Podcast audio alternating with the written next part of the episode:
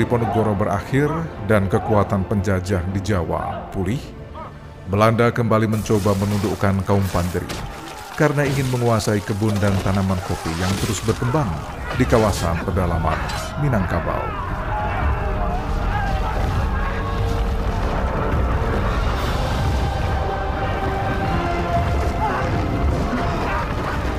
Sampai abad ke-19, perdagangan kopi merupakan salah satu produk andalan Belanda di Eropa, selain rempah-rempah.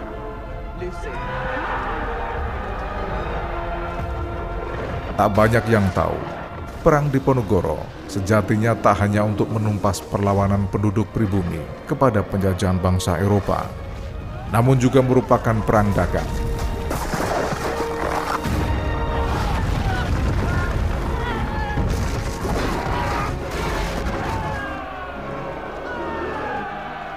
Belanda pada satu sisi ingin mengambil dan memonopoli perdagangan rempah dan utamanya kopi.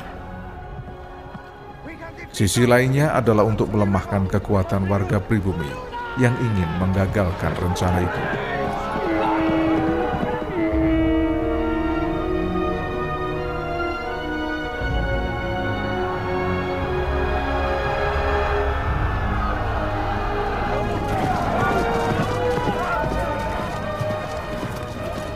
Kawasan Nusantara saat itu merupakan wilayah penghasil kopi terbesar dan terbaik di dunia.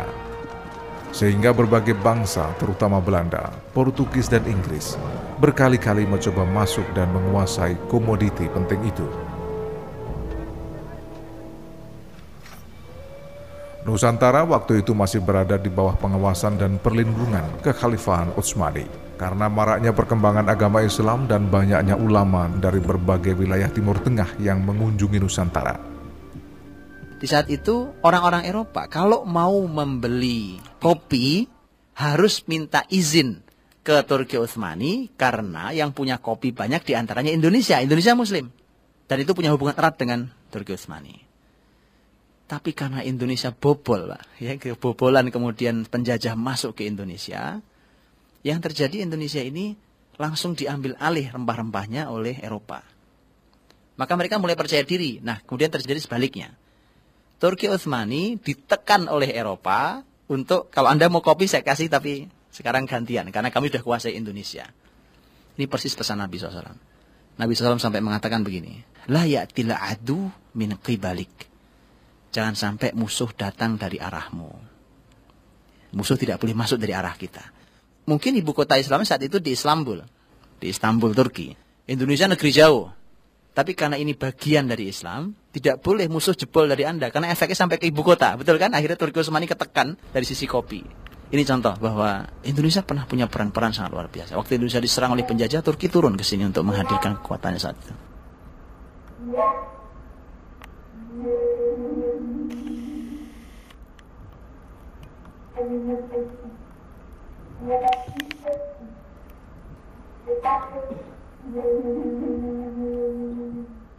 Setelah Pangeran Diponegoro tertangkap dalam sebuah perundingan yang penuh kelicikan di Magelang, Belanda melanggar perjanjian yang telah dibuat sebelumnya dengan menyerang Nagari Pandesike. Wilayah itu merupakan salah satu kawasan produksi misiu dan senjata api.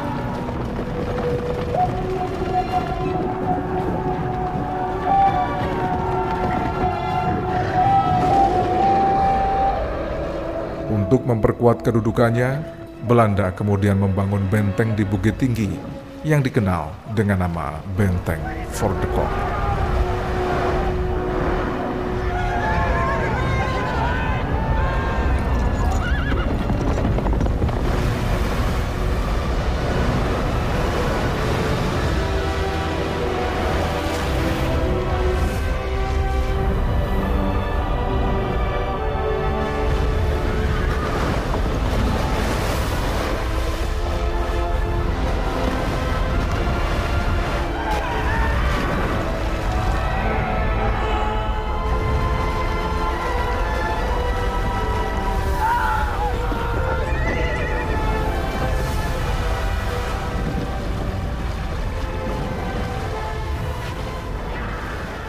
Awal tahun 1831, Lintau berhasil ditaklukkan dan menjadikan luhak tanah datar berada dalam kekuasaan penjajah.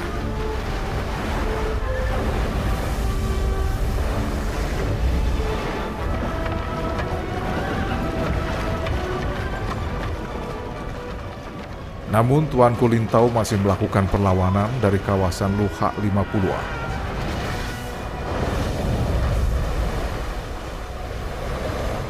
Sementara ketika Letnan Kolonel Elu menempatkan berbagai serangan terhadap kaum Padri antara tahun 1830 hingga 1832, ia mendapat tambahan kekuatan dari pasukan Sentot Prawiro Dirjo, salah seorang panglima pasukan Pangeran Diponegoro yang membelot dan bertugas pada pemerintah Hindia Belanda seusai Perang Jawa.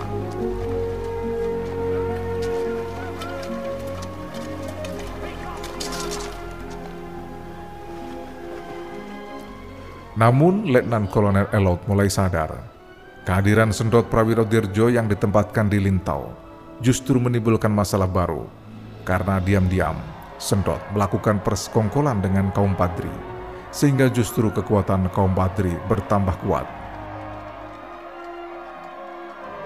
Sendot Prawiro Dirjo akhirnya ditahan di Bengkulu hingga wafat, sedangkan pasukannya dibubarkan, kemudian direkrut kembali menjadi tentara Belanda.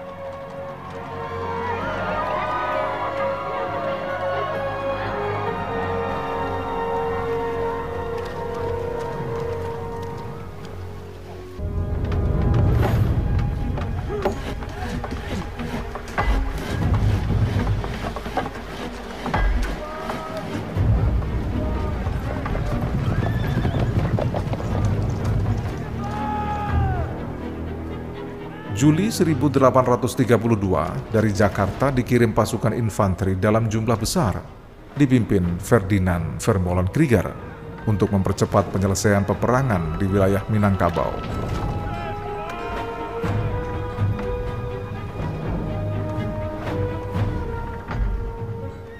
Pada bulan Oktober, Luhak 50 telah dikuasai Belanda bersamaan dengan meninggalnya Tuan Kulintau namun kaum Padri terus melakukan perang gerilya, konsolidasi, dan mereka bermarkas di Kamang.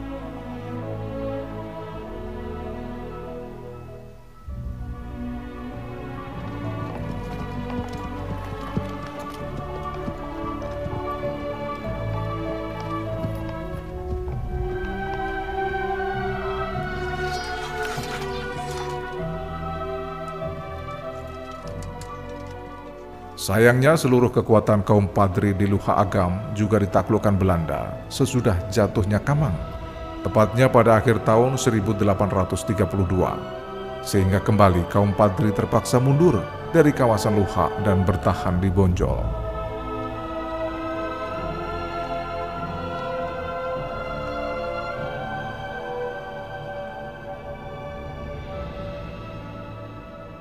Di sebuah wilayah bernama Bonjol itulah akhirnya muncul sosok yang kemudian memimpin perjuangan rakyat Minangkabau dalam melawan penjajah.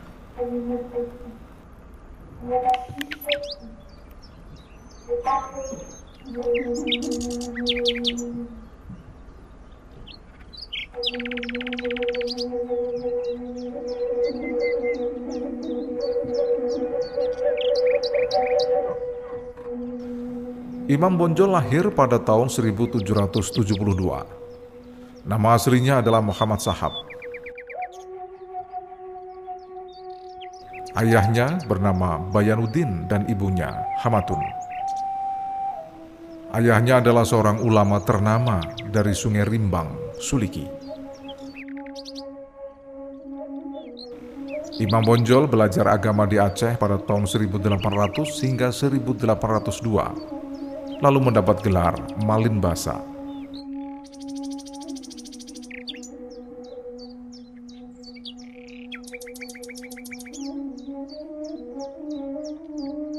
Sebagai ulama dan pemimpin masyarakat, Imam Bonjol mendapat beberapa gelar, antara lain Petus Sarif, Malin Basa, dan Tuanku Imam.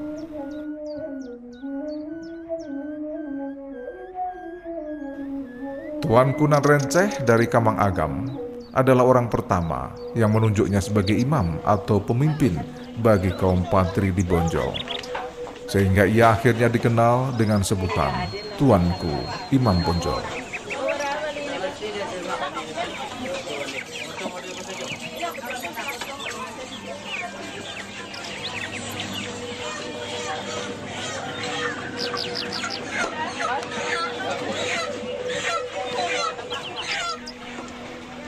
Setelah masuknya penjajah, pertentangan kaum adat dengan kaum padri atau kaum agama banyak terjadi.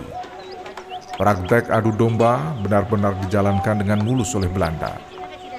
Sejumlah tokoh adat dikenalkan dengan budaya dan kebiasaan yang berlawanan dengan syariat Islam.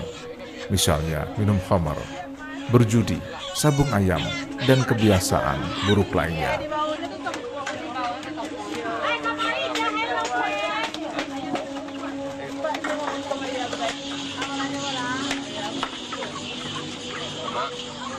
Kaum Padri lalu berusaha membersihkan ajaran agama Islam yang telah banyak diselewengkan. Namun upaya itu ditentang, sehingga terjadi perselisihan yang berujung pada perang saudara.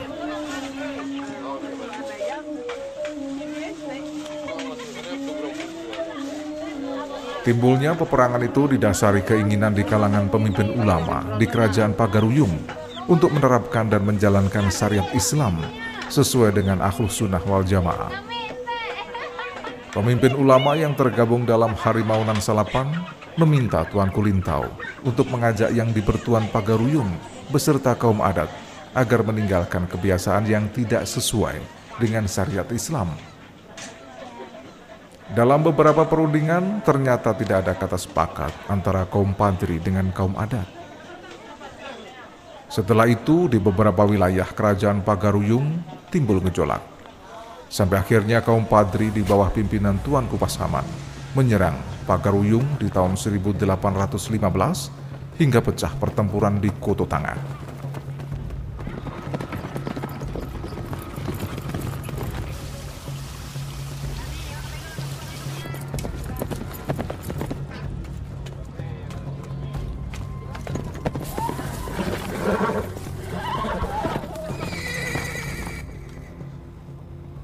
21 Februari 1821, kaum adat secara resmi bekerja sama dengan pemerintah Hindia Belanda berperang melawan kaum Padri. Sebagai kompensasi, Belanda mendapat hak akses dan penguasaan atas wilayah pedalaman Minangkabau.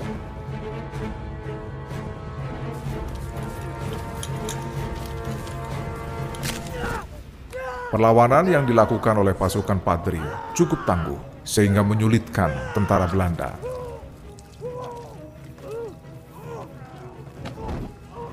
Melalui Gubernur Jenderal Johannes van den Bos, Belanda lalu mengajak pemimpin kaum Padri yang saat itu sudah dipimpin Tuanku Imam Bonjol untuk berdamai dengan maklumat perjanjian Masang di tahun 1821.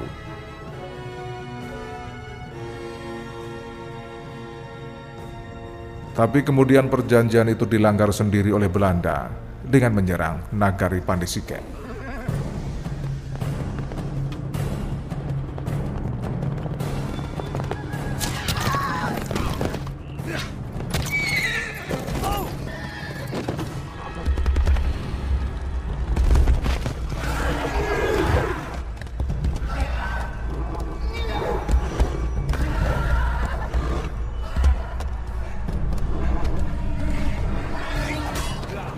Padri berlangsung selama bertahun-tahun, tepatnya dimulai tahun 1833. Kemudian selama setahun, Belanda hanya fokus pada pembuatan jalan dan jembatan yang mengarah ke Bonjol, dengan mengerahkan ribuan tenaga kerja paksa untuk memudahkan mobilitas pasukan dalam menaklukkan Bonjol. 16 April 1835, Belanda memutuskan untuk kembali mengadakan serangan besar-besaran demi menaklukkan Bonjol dan sekitarnya.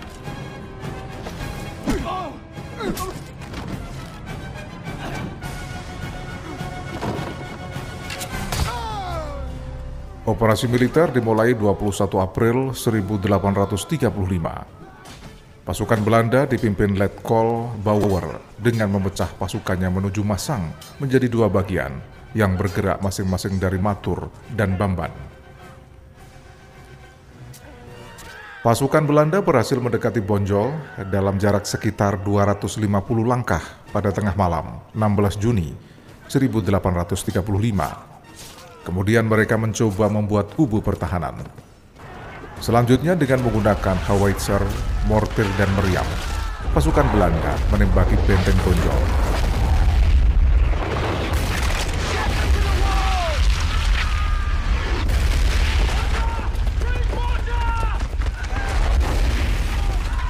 Namun kaum Padri tak tinggal diam.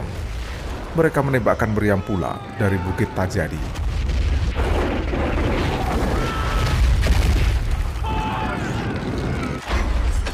Dengan posisi yang kurang menguntungkan, pasukan Belanda akhirnya banyak menjadi korban. Melihat kokohnya benteng Bonjol, pasukan Belanda lalu mencoba melakukan blokade pada benteng Bonjol untuk melumpuhkan suplai bahan makanan dan senjata pasukan Padri.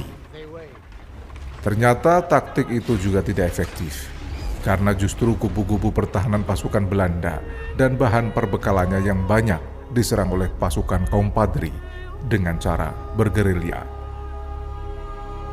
Pada saat bersamaan, seluruh pasukan kaum Padri mulai berdatangan dari daerah-daerah yang telah ditaklukkan pasukan Belanda. Mereka bertekad mempertahankan markas besar Bonjol sampai titik darah penghabisan dengan tujuan hidup mulia atau mati sahid.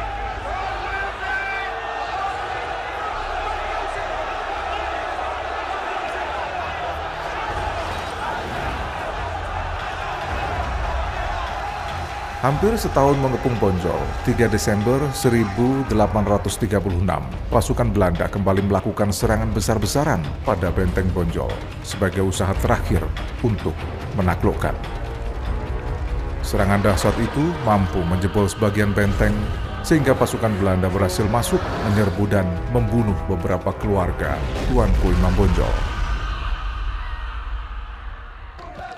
Tapi dengan kegigihan dan semangat juang tinggi, kaum Padri kembali berhasil memporak-porandakan musuh sehingga Belanda terusir dan terpaksa kembali keluar dari benteng dengan meninggalkan banyak korban jiwa. Kegagalan penaklukan itu benar-benar memukul kebijakan Gubernur Jenderal Hindia Belanda di Batavia, Dominic Zagde Erens. Sehingga awal tahun 1837, ia mengirimkan seorang panglima perang, Mayor Jenderal Kokius, untuk memimpin langsung serangan besar-besaran ke benteng Bonjol. Kokius merupakan perwira tinggi Belanda yang mempunyai keahlian dalam strategi perang benteng Stelsel. Belanda lalu mengepung Bonjol dari segala jurusan sekitar enam bulan. Tepatnya 16 Maret sampai 17 Agustus 1837. Serangan bergelombang serta bertupi-tupi dari pasukan artileri yang bersenjatakan meriam-meriam besar selama kurang lebih enam bulan menyebabkan Bukit Tajadi jatuh sehingga secara keseluruhan benteng Bonjol dapat ditaklukkan. Namun Tuanku Imam Bonjol mampu keluar dari benteng dengan didampingi oleh beberapa pengikutnya dan terus menuju daerah Marapak.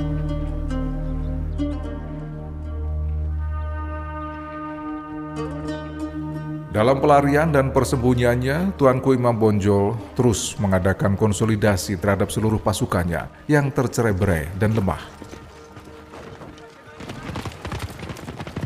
Namun karena telah lebih tiga tahun bertempur melawan Belanda, Ternyata hanya sedikit saja yang tinggal dan masih siap untuk bertempur kembali. Dalam suasana seperti itu, lalu datang surat penawaran dari Residen Francis di Padang untuk mengajak berunding. Tuanku Imam Bonjol setuju. Perundingan itu dikatakan tak boleh lebih dari 14 hari lamanya. Lalu selama 14 hari berkibar bendera putih dan genjatan senjata mulai berlaku. Tanggal 28 Oktober 1837, Imam Bonjol diundang ke Palupuh untuk berunding. Setelah sampai di lokasi, ternyata langsung ditangkap dan ia dibuang ke Cianjur. kemudian dipindahkan ke Ambon dan akhirnya ke Lotak Minahasa, dekat Manado.